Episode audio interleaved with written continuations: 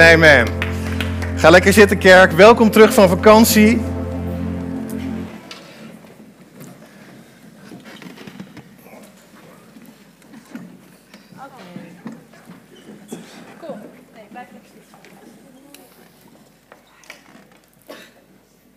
Ik heb denk ik afgelopen maand de mooiste vakantieperiode ooit met de family gehad samen. We zijn uh, weg geweest. We veel zitten reizen in Azië. En uh, het was heerlijk. En weet je wat ik een van mijn hoogtepunten. Mensen vroegen aan me van ja, wat zijn de hoogtepunten van je reis geweest? En er zijn een paar geweest. Maar ik denk een van de absolute hoogtepunten was dat we in Maleisië waren. En Maleisië is een moslimland. Het is zelfs zo dat als je als Malai, de inwoners van Maleisië, geboren wordt, dan ben je door geboorte ben je al sowieso moslim. En um, die druk van islam is echt enorm op dat, op dat land en in dat land. En overal waar je komt word je ermee geconfronteerd. Die wil ik graag houden. Oh, dat is jouw jas. Dat is mijn jas. Nee, het is, het is Miekes jas. Maar, het is Miekes jas. Ja, je, je maait al het gras van mijn voeten weg, Lee. Maar in een land wat overheerst wordt door um, een ideologie die op momenten echt vol haak staat op het offer van Jezus, kwamen we daar en ik was aan het googelen van ja, wat is, is hier een kerk in de buurt? En ik weet dat ik in een, ja, ik vond, ik vond een kerk, ik had geen idee waar ik terecht zou komen. En we kwamen daar en ik kwam daar binnen en er stonden honderden Maleisische mensen zo in aanbidding, zo gegrepen door God, zo on fire voor, voor, voor, voor God. Ik was echt, ik, ik zat daar, ik hield het niet droog tijdens de aanbidding. Ik denk echt van, wauw, wat is dit bijzonder. En de boodschap was, was, was bijzonder, we waren met, met, het, met het gezin. Na afloop sprak ik een van de uh, voorgangers. Ja, die man begon te spreken en ja, ik, ik, ik vind het vervelend om aan jullie toe te geven, want ik, uh, ik, ik hou er niet van om heel emotioneel te zijn. Maar die man begon te spreken en ik, ik begon gewoon te huilen terwijl hij aan het spreken was. En ik dacht, wauw, hier is, is, is een groep mensen die in een, in een omgeving zitten die zeg maar gewoon, die aan alle kanten onder druk staan. En deze gasten hebben iets van God gegrepen wat echt incredible was. En ik ging daar gewoon verfrist en met nieuw geloof voor de periode die voor ons ligt, als, als kerk en als, als mensen, weg. En ik vond dat gewoon bijzonder. En ik denk, wauw, we moeten nooit vergeten de kracht en de autoriteit en de diepte van de lokale kerk. En wat God aan het doen is, gewoon door ons midden heen. En door al die andere kerken in Hilversum en in het Gooi en in Nederland heen. En ik geloof dat we hele bijzondere dagen gaan zien de komende tijd voor de gemeente. En ik wil met jullie vandaag spreken. En de titel van mijn boodschap is dit: Duw de ploeg, pak de promotie. En ik lees daarvoor uit 1 Koningen 19, vers 19. En er staat: En hij, dat is Elia, ging daarvan weg. En hij vond Elisa, de zoon van Safat. Hij was aan het ploegen met twaalf span ossen voor zich uit. En hij zelf liep bij het twaalfde span. Elia liep op hem toe en wierp en daarom had ik hem, zijn mantel over hem heen. En, en, en ja, laten we nog een keer lezen. En hij, dus Elia, ging daarvan weg en vond Elisa, de zoon van Safat. Hij was aan het ploegen met twaalf span ossen voor zich uit. En hij zelf liep bij twaalfde span. Elia liep op hem toe en wierp zijn mantel over hem heen. En wat je moet weten over deze periode is dat deze man is aan het ploegen en deze man is aan het ploegen in grond die drie jaar totaal uitgedroogd is. Er is drie jaar geweest van droogte. Uh, drie jaar lang was alles wat vruchtbaar was, was naar de knoppen. En wat er hier gebeurde was dat Elia kwam en die was aan het lopen. En wat komt Elia tegen? Elia komt een man tegen die niet met één span ossen, niet met twee span, niet met vijf span, niet met tien span, maar met twaalf span os nodig heeft om de droge grond om te ploegen. En wat Elisa aan het doen is, is dat Elisa is aan het ploegen in de meest droge aarde. Omdat Elisa gelooft dat ook al, de, ook al is de aarde droog, dat er vruchtbaarheid is als aarde omgeploegd wordt. En deze man die staat daar en die komt en dan komt Elisa en die gooit zijn mantel. En die mantel representeert als het ware de profetische autoriteit, representeert promotie. En die gooit hij naar hem toe als teken van hey, ik wil jou gaan opleiden, Elisa. Ik wil jou verder gaan brengen. En ik vind het zo'n krachtig, krachtig stuk. Maar wat je moet weten is, er is een periode geweest en Elia is daar geweest en Elia was een profeet en Elia voelde zich extreem alleen. Elia die zat daar en hij was de enige die iets te zeggen had in een omgeving waar op dat moment Agab en Izebel, dat is een soort evil duo die op dat moment aan het, aan het hoofd van het koninkrijk staat. Agap als koning, Izebel als koningin. En die mensen, alles wat met waarheid te maken heeft, alles wat met God te maken heeft, zijn ze systematisch naar de buitenkant aan het duwen. Ze zijn de profeten van God aan het vermoorden. Ze zijn de stem van waarheid aan het, aan het sussen. En Elia voelt zich daar enorm alleen. En Elia die komt op een gegeven moment naar Agap en die zegt en die profeteert over het land. En zegt van hé, hey, het gaat nu, het is, de maat is vol, het gaat nu niet regenen. En op dat moment is het meer dan drie jaar, drieënhalf jaar, is het droog. En er is hongersnood en het volk staat aan alle kanten onder druk. En dan is er een moment dat er, um, dat, dat, dat er dat alle, alle spanning als het ware op één, zo op, op de spits wordt gedreven. En dan zegt Elia na 3,5 jaar: Hé hey jongens, het is genoeg geweest. Ik pik dit niet langer. En Elia die gaat en die confronteert de priesters van Baal. En die zegt: Hé, hey, laten we de God die de echte God is, laat die antwoorden met vuur. En sommigen van jullie zullen het verhaal uh, kennen. En als je het niet kent, en Koningen 17, 18, 19. heel, heel, heel tof verhaal. En wat er gebeurt is dat God antwoordt op het offer van Elia met vuur. En dit is wat ik wil dat je weet. Er is droogte geweest. Drieënhalf jaar heeft het niet geregend in een land. Moet je je voorstellen wat dat met het land doet. Ik kwam terug uit Azië en ik werd omarmd door het Nederlandse weer. uh, Maar dat is mooi. Als je op je vakantie bent en je ziet dat er veel gebieden zijn die groen zijn, dan weet je, oh, de zon schijnt en het regent hier vaak. Maar moet je voorstellen dat je op een land bent en het heeft drieënhalf jaar niet geregend. En het is droog. En ik geloof dat dit ook symbool kan staan voor een periode waar jij doorheen gaat. Dat je denkt van, hé, het is droog. En het is droog en ik ben aan het ploegen en ik ben aan het doen. En ik wil de belofte van God zien en op de een of andere manier zie ik het niet. Hoe kan dit? En dan komt er op, het, op de piek van de moeite en van de droogte, dan is er dit moment dat vuur komt. En dit vind ik interessant, want aan het eind van die droge periode eindigt het niet met droogte. De droogte eindigt met een offer. De droogte eindigt met vuur. De droogte die eindigt pas nadat datgene waar een totaal gebrek aan was, namelijk water en iets op het offeraltaar, wat, wat eetbaar was, werd gelegd en toen werd er gezegd, en de God die echt God is, die antwoordt met vuur. En daarop komt God en die antwoordt met vuur. En die, die verteert zowel het vocht als het hout, als de stenen, als het offer wat op het altaar ligt. En dit vind ik belangrijk, dat soms kan het zo zijn dat je zegt, hé, hey, maar mijn periode is droog. Ik snap niet waarom mijn periode zo droog is. En dan denk je, oh, ik ben er nu bijna doorheen. En dan komt God met vuur. Oeh. Is lekker uh, bericht op de zondagochtend. Maar ik heb dit gezien keer op keer op keer in, in, in de natuur van God.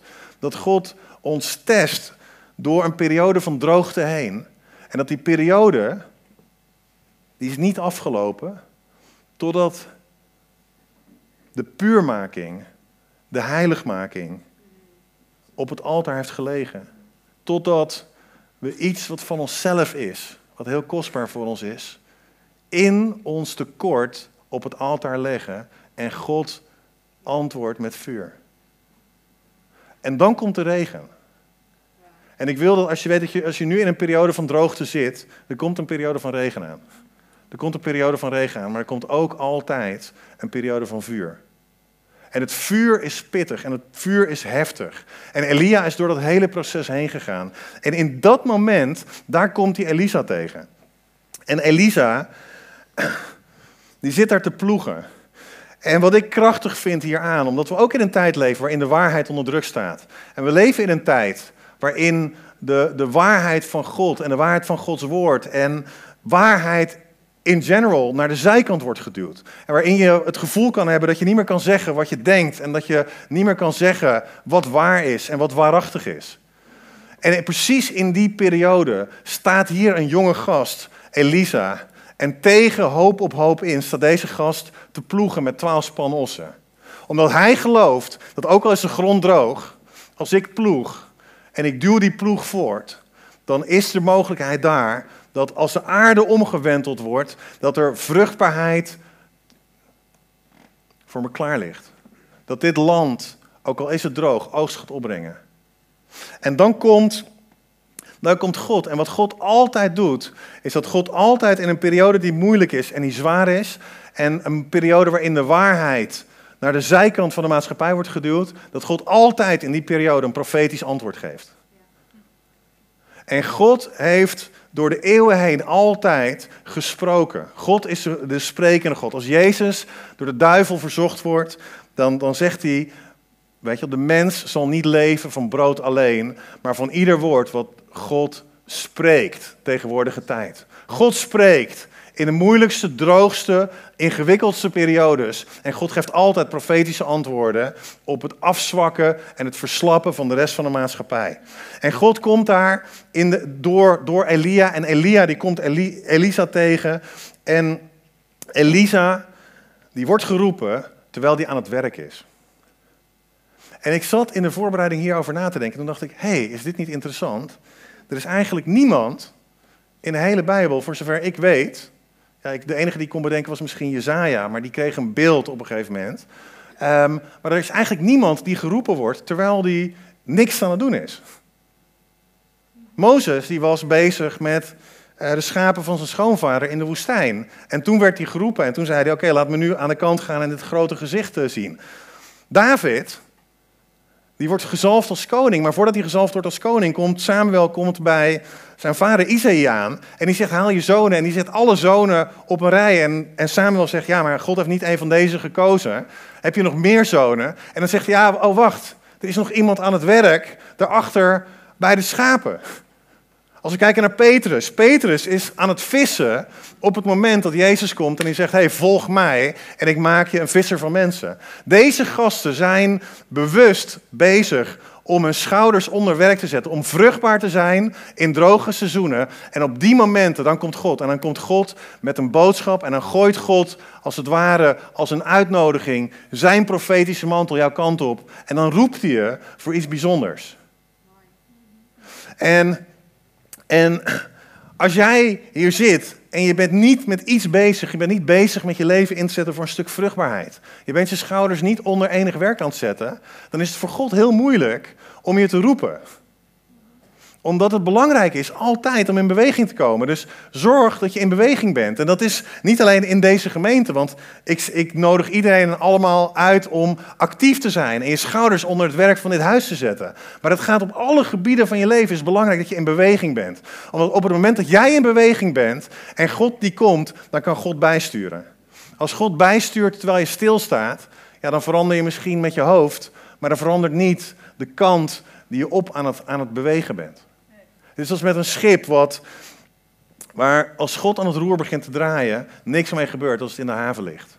Het moet eruit zijn. En deze man is, is, is aan het ploegen in grond die drieënhalf jaar droog is geweest. En, en ik ben benieuwd wat er door het hoofd van Elisa heen gaat. Wat er door zijn hoofd heen is gegaan. Wat hij, wat hij gedacht heeft van ja, wat moet ik nu verwachten van de komende periode? En heeft het zin waar ik mee bezig ben? En ik denk dat op het moment dat je twaalf span ossen, dat je daarmee eindigt, dat je wellicht geprobeerd hebt om eerst te kijken van ja, lukt het met één span ossen? En, um, en daarna dacht van ja, misschien lukt het met drie span ossen.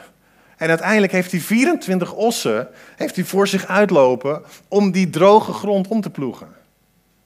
En deze man is, heeft zich vastbesloten om te zeggen: Ik ga die grond omploegen, wat er ook voor nodig is. Ik ga zorgen dat mijn leven, dat mijn arbeid vruchtbaar is, wat er ook voor nodig is, wat er ook voor moet gebeuren. Ik zet mijn schouders onder het werk.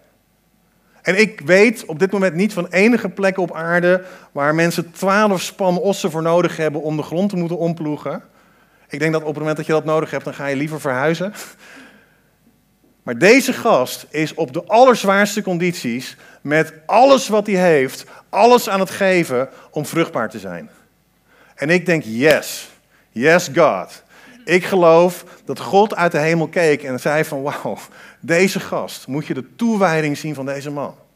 Moet je zien hoe deze man erin zat. Hoe hij zonder reserves, alles wat hij heeft, uitgiet. Alles wat hij aan kracht heeft, zet hij in om vruchtbaar te zijn. Wauw, deze man kan ik vertrouwen met mijn profetische mantel om dit volk profetisch uit te leiden in vrijheid. En ik, ik heb me zitten afvragen, ja, maar hoe houden mensen het vol? Hoe hou jij en ik het vol als wij door een dal heen gaan? Hoe kunnen we het volhouden in het aangezicht van alles wat, wat tegen je opstaat. Als je het gevoel hebt dat de hele hel tegen je opstaat, dat die dingen die je, die je doet, dat ze zwaar zijn. Hoe hou je het vol? En dit is wat ik las, wat ik zo powerful vind. Psalm 34. En daarin staat het, daarin staat het volgende. Psalm 34. Zij hebben naar hem gekeken. Zij hebben naar Hem gekeken. Iets waar we de komende tijd meer over gaan spreken is wat het betekent om verticaal te aanbidden. Om verticaal, om naar boven te kijken. Wist je dat datgene waar jij naar kijkt, in datzelfde beeld wordt jij veranderd? Datgene waar jij de hele dag naar kijkt, dat is datgene wie jij wordt. En deze tekst zegt, het vol, zegt als volgt. Ze hebben naar hem gekeken. Ze hebben naar hem gekeken. Als je naar hem kijkt en je ziet God in zijn glorie, en je ziet God in zijn grootsheid, en je ziet God in zijn almacht, en je ziet God voor wie hij echt is, dan staat er, en zij straalden, hun gezichten zullen nooit meer schaamrood worden.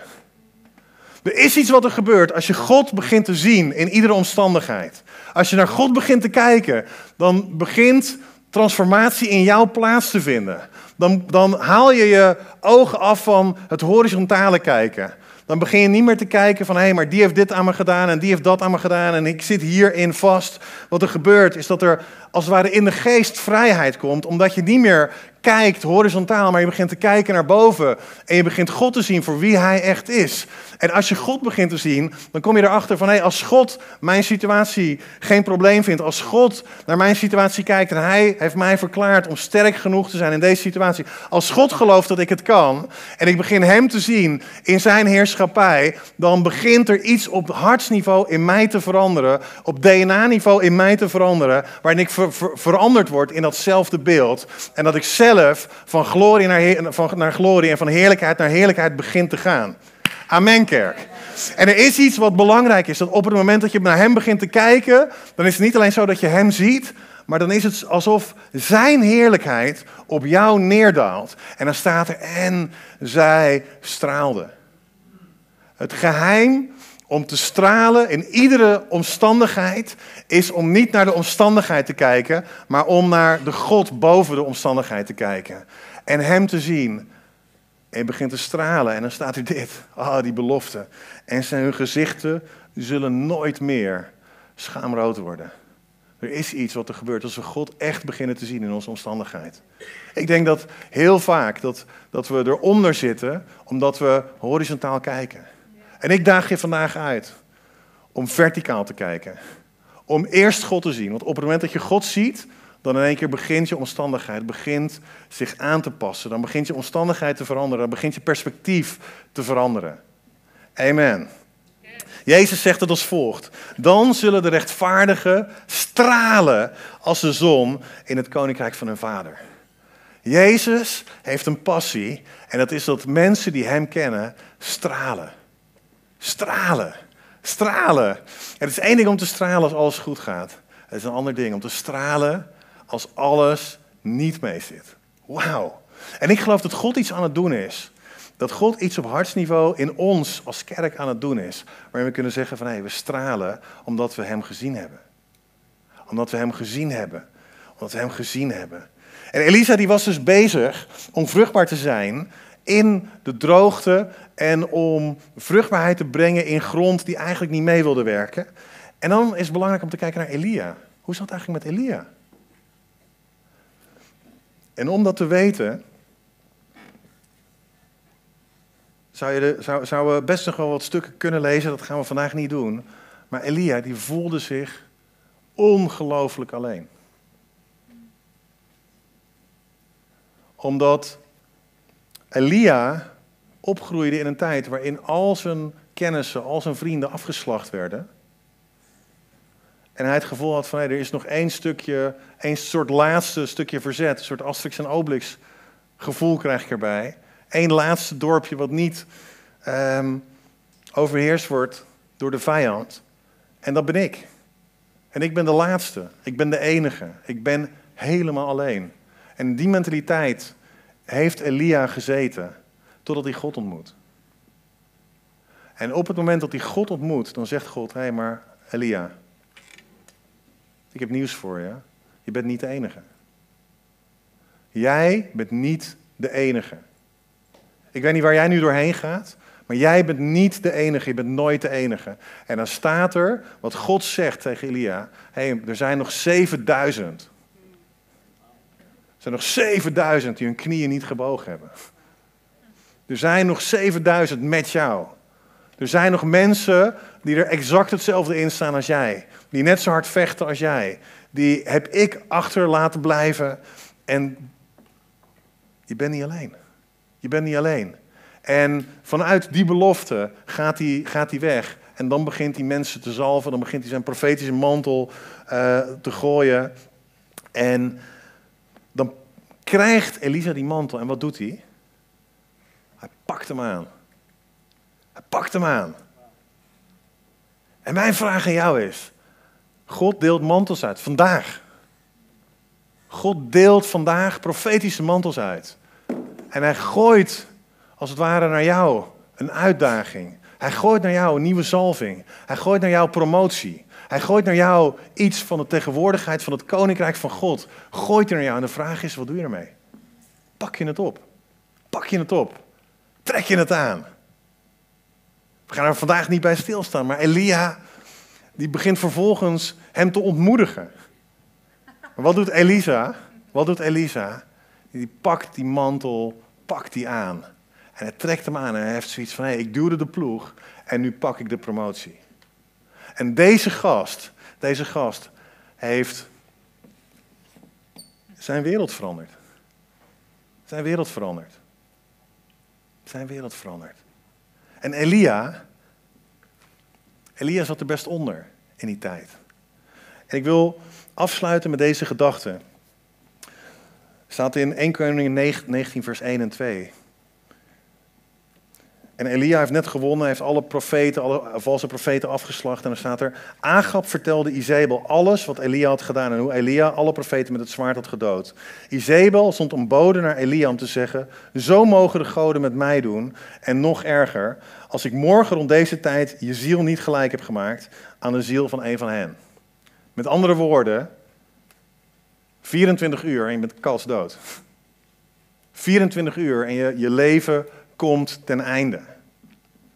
En moet je voorstellen dat je in een, in, een, in een situatie zit waarin alles tegen je lijkt te werken. En dan, komt, dan denk je van hé, ik heb alles gehad, ik ben de enige, ik ben helemaal alleen. En dan komt er een doodsbedreiging. En die doodsbedreiging komt niet van de eerste de beste, die doodsbedreiging komt van het hoogste politieke orgaan van de tijd waar je leeft. En die zegt, jij hebt nog 24 uur te leven en dan is het gewoon einde verhaal. Wat doet dat met, met je? Wat doet die geest van intimidatie met je? Hoe reageer je daarop? En wat ik wat ik zo powerful vind, is Elia. Die heeft een bijzondere manier hoe hij vertrekt uit dit leven. Want Elia leefde niet 24 uur, hij leefde langer dan die 24 uur. Hij leefde ook niet nog een week, ook niet een maand, ook niet een jaar, ook niet 100 jaar, ook niet duizend jaar, ook niet millennia na deze doodsbedreiging. Elia heeft de dood niet gezien. Elia werd door God zelf opgehaald met vurige wagens. En ik wil tegen je zeggen, als jij merkt van ik ben geïntimideerd door mijn omstandigheden, ik ben geïntimideerd door mijn wereld, ik voel dat ik niet meer de waarheid kan spreken. Sterker nog, mensen staan mij naar het leven. Ik heb goed nieuws. Je hebt God aan je zij. Als God aan je zij staat, dan ben je in de meerderheid. Als er één persoon is en God is met die persoon, dan is die ene persoon in de meerderheid. En niet alleen dat, God zegt niet alleen, hey, ik sta aan je zij. Hey, er zijn nog andere mensen die ook naast je zij staan. Ik geloof dat we in dit land grote dingen gaan zien voor het koninkrijk van God. Maar ik geloof dat we mensen nodig hebben die zeggen, hey, ik ga doen wat er nodig is. Ik ga mijn schouders onder het werk zetten om vruchtbaar te zijn. En als God me de promotie geeft, als God me de mantel toewerpt, dan pak ik hem aan, dan draag ik hem met eer. En dan maakt het niet uit wat er gebeurt. Ik ga doen wat God heeft gezegd. Omdat als God het heeft gezegd, dan maakt het niet uit wat duisternis zegt. Omdat als licht naast duisternis staat, dan wint licht altijd. Waarom is het niet duister in deze kamer? Omdat er licht is. Omdat de gordijnen open zijn. Op het moment dat, dat duisternis is niet heeft niet de kracht om dingen te verduisteren. Duisternis is de absentie van licht. Duisternis is de absentie van licht. Jacobus, die zegt het als volgt. Die zegt, hé, hey, Elia was een mens met gevoelens zoals wij. En hij bad dat het op het land niet zou regenen. Hé, hey, kerk, Elia was een mens Zoals jij. Stoot even je buurman, buurvrouw aan, zeg even, hé, hey, zoals jij. Zoals jij. Kijk, wij denken af en toe over dit soort geloofshelden. Ja, dit zijn hele bijzondere mensen, met hele bijzondere zalving, met hele... En er staat, Elia was precies zoals jij. Had gevoelens zoals jij. En hij bad dat het niet zou regenen. En het regende niet op het land. En dan staat er, toen viel er drie jaar en zes maanden geen regen. En hij bad opnieuw. En de hemel gaf regen. En het land bracht vrucht voort. Wauw, kerk. Wauw. In jouw mond, met jouw woorden, heb je de kracht om dingen vast te zetten, te binden en te ontbinden. Met jouw woorden heb je de kracht om de toekomst van Nederland te veranderen. Met jouw woorden en met jouw attitude en met jouw geest en met de profetische edge die God aan het geven is, heb jij de kracht om bijzondere dingen te doen voor zijn koninkrijk. Waarom? Omdat dezelfde geest die Jezus uit de dood heeft opgewekt, in jou woont. Romeinen 8, 8, 8 11. Kerk, laten we gaan staan. Laten we de complete overwinning van God over iedere duisternis, over iedere leugen, over iedere zonde, over iedere schaamte, over iedere vloek, over iedere ziekte. Laten we de complete overwinning van God vieren op dit moment.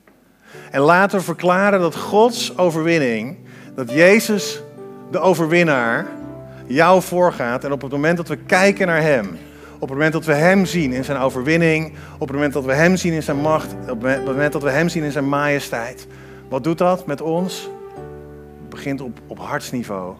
Begint de geest van de overwinnaar in ons op te staan.